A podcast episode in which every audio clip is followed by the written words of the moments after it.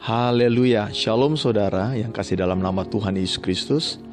Pada hari ini, perenungan pagi hari ini, saya mengambil dari Galatia 3 ayat 1, kiranya lewat pembacaan firman Tuhan dan pemahaman pesan dari pagi ini untuk kita semua dapat bisa kita dikuatkan, diubahkan, diperbaiki dalam segala bentuk apa pun. Galatia 3 ayat 1, saya akan baca untuk saudara. Hai orang-orang Galatia yang bodoh, siapakah yang telah mempesona kamu? Bukankah Yesus Kristus yang disalibkan itu telah dilukiskan dengan terang di depanmu? Haleluya, haleluya. Ketika saya pelajari tulisan-tulisan Paulus, saya melihat ada beberapa poin yang tentang keseimbangan ilahi yang dilakukan oleh Paulus. Satu sisi tulisan Paulus mengatakan kasih itu panjang sabar, murah hati, tidak cemburu, dan sebagian alias jangan cepat marah, jangan cepat emosi.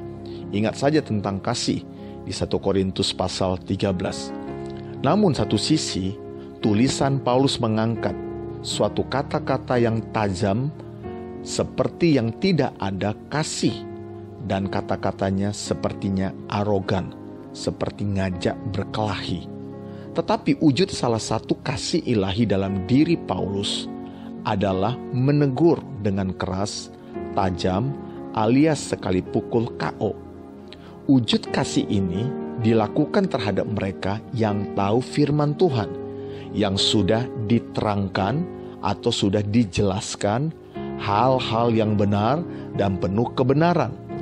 Tetapi yang anehnya masih ada orang-orang Kristen yang ngenyel, artinya yang masih bermain-main. Orang yang tidak percaya kepada Yesus, sesuatu hal yang sangat berarti ketika kita mewujudkan kasih itu panjang sabar, penuh pengampunan, murah hati, dan sebagainya. Seperti 1 Korintus 13. Ini khusus untuk mereka yang belum mengenal Yesus. Sama halnya saudara-saudara, kita baru-baru ini kita sudah melihat sebuah video yang sedang viral yang sedang satu keluarga sedang ibadah.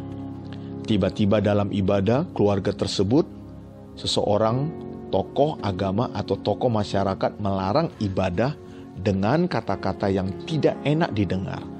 Tindakan sudah menyalahi secara etika ataupun hukum tapi si tokoh masyarakat ini bukan satu iman sama seperti bapak yang sedang beribadah dan tidak tahu apa yang sedang diperbuat dan dilakukan oleh tokoh masyarakat ini.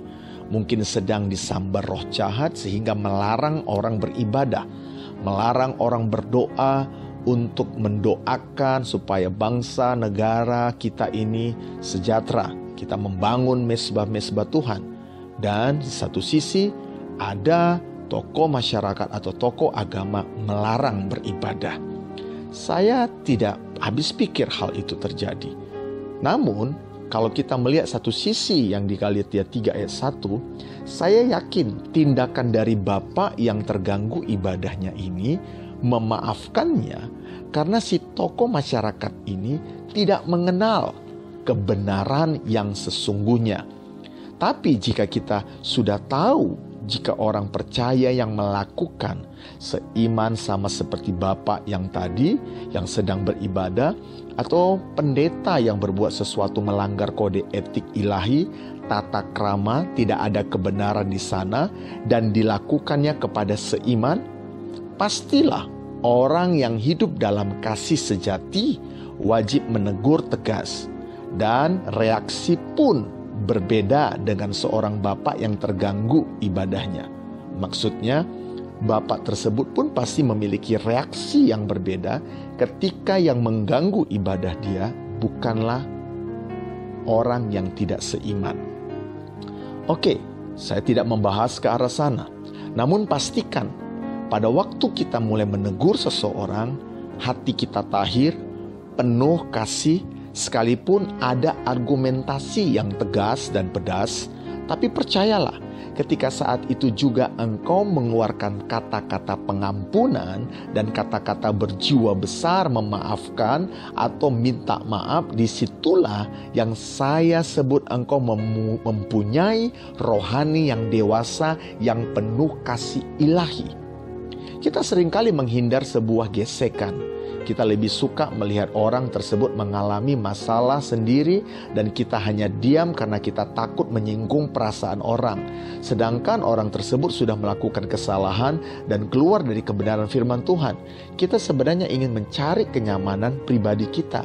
Kita takut kita akan dikucilkan, kita takut akan disingkirkan dan kita tidak punya banyak teman. Kalau kita mulai menasehati hal-hal yang benar, karena ada hal-hal yang benar yang kita beritahukan kepada seseorang yang mereka sedang melanggar ke, tentang ke, uh, kebenaran itu, kebenaran firman Tuhan, ada banyak orang yang tidak mau terima. Tetapi kalau engkau memiliki hati yang mencintai kebenaran, mengasihi Tuhan, engkau bisa menegur, tetapi dengan penuh di dalamnya ada kasih. Sikap hati kitalah yang menentukan apakah kita menegur dengan kasih atau dengan tanpa kasih. Kalau Paulus menegur dengan keras di Galatia 3 ayat 1, terjemahan baru dia katakan, Hai orang-orang Galatia yang bodoh. Tapi terjemahan lama kalau kita melihat di Galatia 3 ayat 1, dikatakan, Hai orang-orang Galatia yang bodoh. Kalau selanjutnya kita melihat di terjemahan lamanya, siapakah yang sudah merasuk kamu?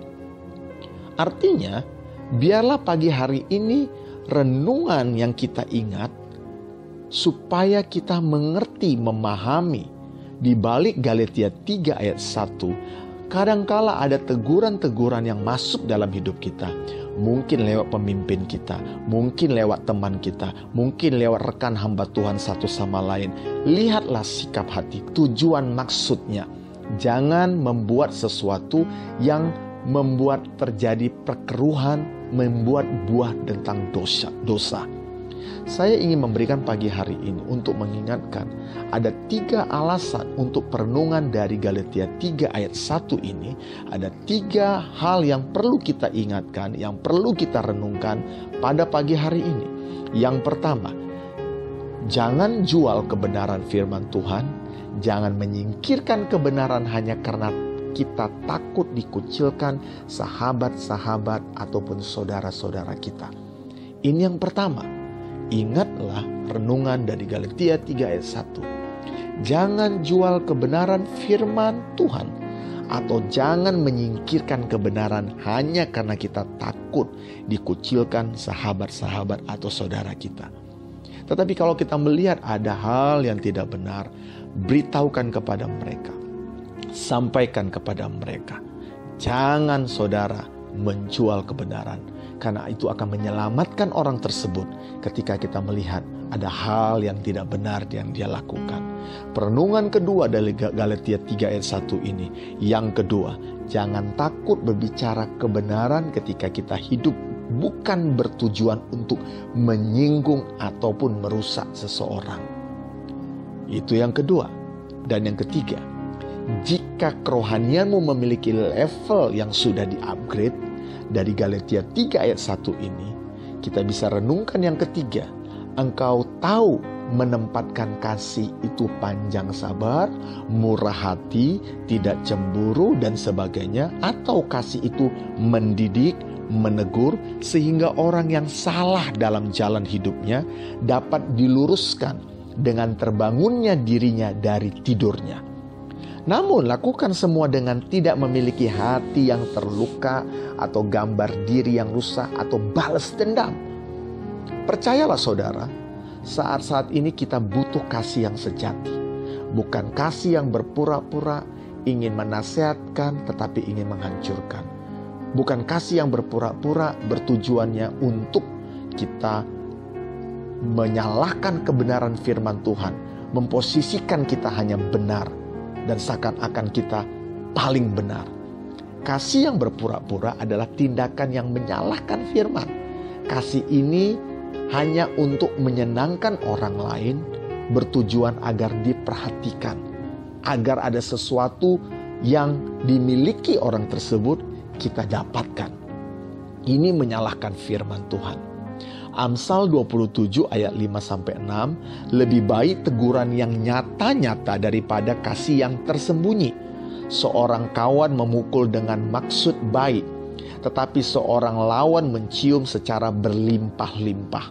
Nah, saudara yang kasih dalam Tuhan, saat pagi ini saya sebagai hamba Tuhan memberikan pesan kepada kita, kepadamu, kepada jemaat GPDI Yosua Ministry, pastikan hari-hari ini engkau lebih tingkatkan doa, baca firman Tuhan, puasa, tinggalkan aktivitas yang tidak berfaedah, tinggalkan dan buang, kubur dalam-dalam yang suka main game atau nonton, tidur yang berlama-lama, bermalas-malasan dan bermain medsos ria, buangan eh, kumpul-kumpul dengan omongan-omongan kosong dan uh, buang uh, membuang gosip tinggalkan kenyamanan seperti itu yang hanya sedang hanya cuma duduk-duduk saja.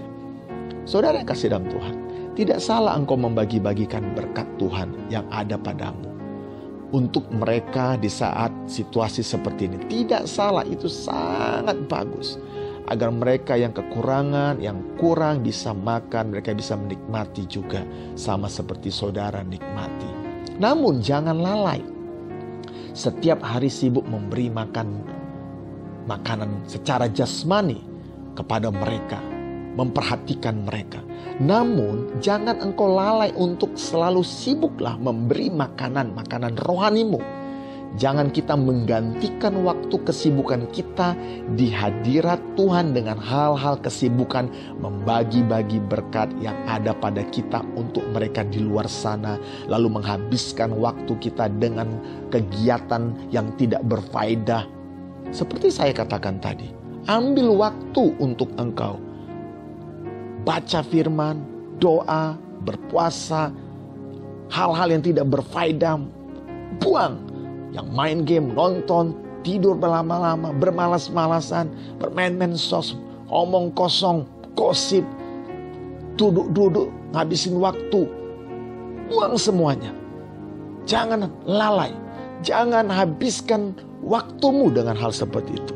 Dan jangan juga engkau menghabiskan waktu dengan kesibukan-kesibukan yang yang semestinya ada di hadirat Tuhan, tetapi engkau sibuk dengan hanya setiap hari berkumpul berkomunitas hanya untuk membagikan sembakau-sembakau. Saya sangat katakan itu tidak salah dan sangat luar biasa. Terus lakukan. Terus saudara lakukan untuk membagi berkat kepada orang yang kekurangan. Sekali lagi saya katakan itu tidak salah.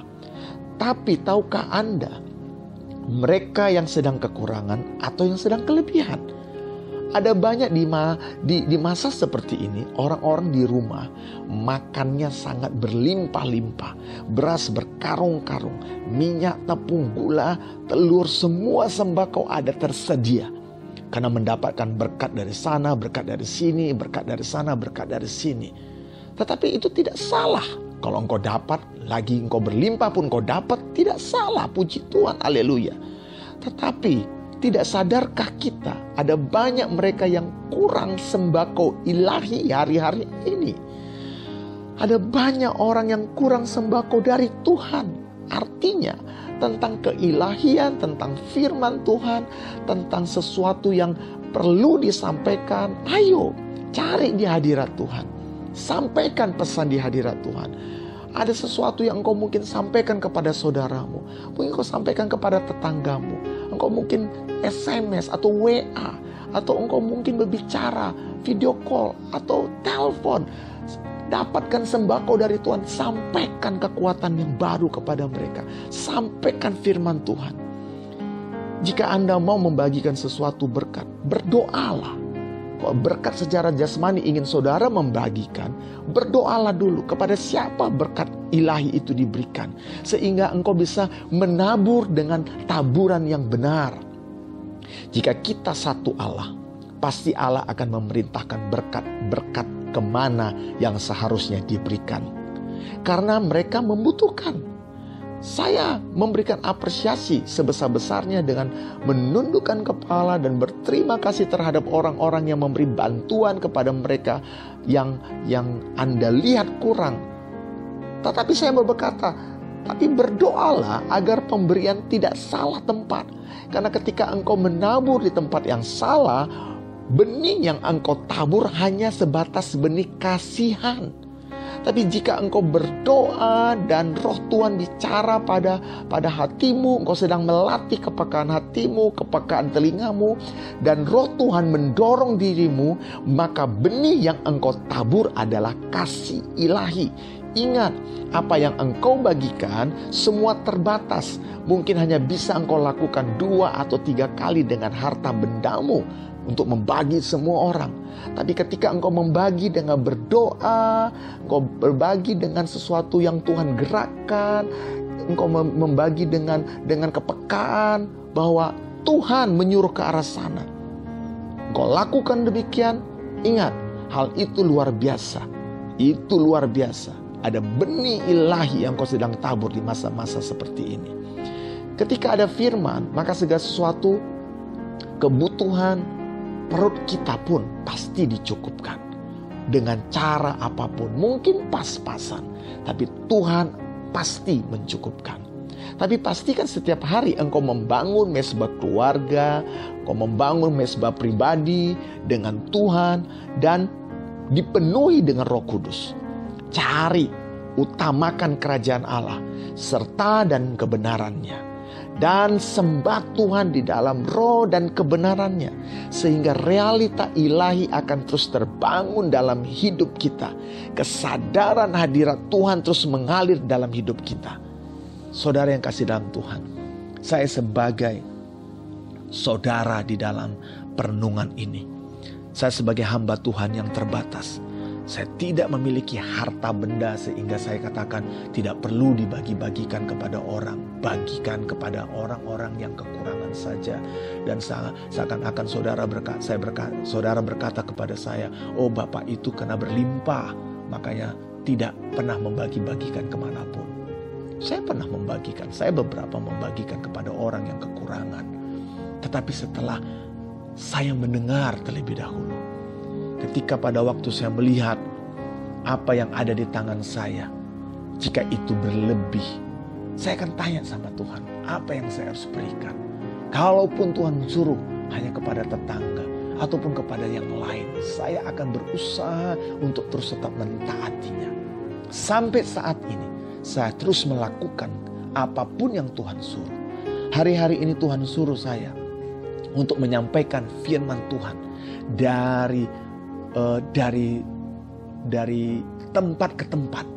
Salah satunya ketika pada waktu saya tiga hari sekali belanja pergi ke satu pasar yaitu ke pajak orang Medan katakan. Saya pergi ke satu pasar tersebut saya mulai menyampaikan firman Tuhan. Saya menyampaikan pesan Tuhan. Saya mengingatkan mereka untuk memperbaiki hidup mereka untuk supaya mereka bertobat karena hari-hari ini Tuhan suruh hanya sebatas itu. Saya berikan sebatas itu. Lalu yang beberapa yang minggu lalu Tuhan suruhkan, berikan ini kepada mereka, berikan kepada mereka si A, si B. Lakukan.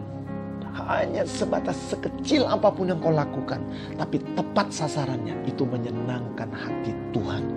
Saudara yang kasih dalam nama Tuhan, kita tidak boleh memiliki roh ketamakan kita tidak boleh memiliki roh keegoisan. Kita tidak boleh memiliki roh yang uh, yang yang memiliki dendam kepada orang-orang yang mungkin dulu orang-orang yang tidak pernah tidak pernah memberikan memberi, memperhatikan kita, tidak memberikan apresiasi kepada kita, yang tidak pernah berteman kepada kita. Tetapi siapa pun yang menjelekkan engkau, siapa pun yang pernah menjelekkan dan memusuhi engkau, tetapi ketika Tuhan menyuruh engkau untuk membagi berkat ke arah sana, membagikan, ingatlah, walaupun rumah mereka gedong, walaupun rumah mereka diisi dengan mobil yang begitu banyak, tapi ketika Tuhan suruh mungkin ke sana antar, mungkin sebatas hanya cuman hanya ubi yang engkau suruh diantar. Tapi ingat, pada saat itu kalau Tuhan yang suruh, mereka sedang membutuhkannya.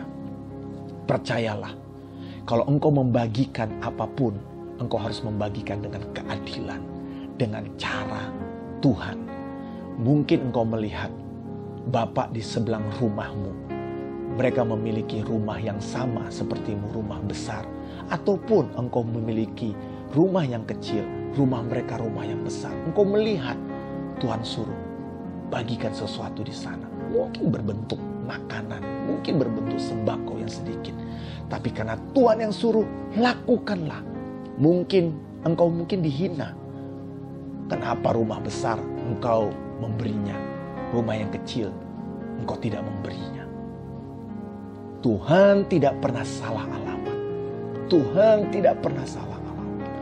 Saya pernah melihat ada beberapa suatu kejadian di daerah di mana saya melihat ada rumah yang gubuk yang sangat luar biasa saya katakan saya tidak mampu kalau saya bisa tinggal di sana. Tanpa listrik, tanpa air, rumah gubuk. Tapi saudara tahu, setiap hari ada saja berkat makanan kepada dia. Tapi ada satu orang yang rumahnya yang lebih sederhana daripada yang tadi rumah gubuk tadi. Tetapi ketika Tuhan suruh ke sana, saya memberinya. Ternyata mereka kekurangan, mereka lagi butuh sesuatu. Apa yang harus kita pelajari? kita memberi sesuai dengan takaran iman kita. Kita memberi sesuai dengan apa yang kita dengar.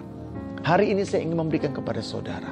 Saya memberikan pesan kepada saudara dari Galatia 3 ayat 1. Ada sesuatu yang harus kita pengaruhi orang dengan pengaruhan yang baik. Sehingga mereka bertumbuh imannya. Paulus menegur. Karena begitu mereka tersesat oleh pengajaran-pengajaran yang salah Orang tersesat oleh kumpulan-kumpulan yang membuat hidup mereka semakin jauh dari Tuhan.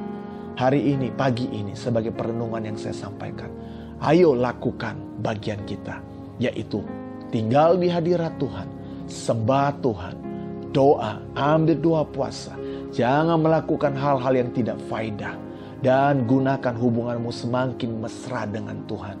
Dan ketika engkau mendengar suatu pesan dari Tuhan, lakukanlah apa pun pesan itu. Kalau Tuhan katakan perbaiki hatimu, perbaikilah, perbaiki sikapmu, perbaiki apa pun dari hal kecil sampai yang besar, lakukan sajalah buat ketaatan yang totalitas dalam hidupmu. Dan ketika kalau engkau berlebihan, kalau engkau memang cukup bahkan di bankmu ada banyak uang, ada sesuatunya. Engkau bisa berdoa kepada Tuhan. Tuhan, dalam minggu ini aku mau ingin memberikan sesuatu. Apa yang aku bisa berikan? Kepada siapa aku bisa memberikan? Ingat, tabur tuai masih tetap berlaku tentang kerajaan Allah. Sisihkan bagian Tuhan. Sisa yang bagian yang engkau miliki. Atur dengan minta kepada Tuhan. Tuhan, buat manajemen ilahi. Semua yang Tuhan titipkan kepadaku ini, biar aku bisa kelola dengan baik. Bukan hanya untuk rumah tanggaku dan keluargaku, tapi untuk siapa yang aku bisa bagi. Mungkin seminggu sekali saudara belajar untuk membagi. Tapi di luar seminggu sekali tiba-tiba saudara mendengar suara Tuhan. Bagikan ke ujung seberang sana. Bagikan ke sebelah. Bagikan ke, ke A, ke B, ke C Mungkin soal makanan, mungkin soal minuman, mungkin sesuatu yang saudara masak, mungkin sesuatu yang saudara sudah belanja, mungkin saudara uang yang saudara berikan. Semuanya itu dengar di hadirat Tuhan. Tuhan pasti menolong kita. Ikutin arahan Tuhan. Tuhan itu baik dan sangat baik dan sangat luar biasa. Biarlah pada pagi hari ini renungan selama 25 menit. Saudara dikuatkan, saudara bertambah kasih, saudara betul-betul mencintai Tuhan. Saya menyampaikan ini, saya mencintai saudara. Baik teman-teman saya, baik hamba-hamba Tuhan, baik saudara-saudara di marketplace, baik itu juga khususnya jemaat GPD Yosua Ministry. Saya mencintaimu dari hadirat Tuhan, dari kediamanku. Tuhan tetap mengasihimu. Tuhan mencintaimu.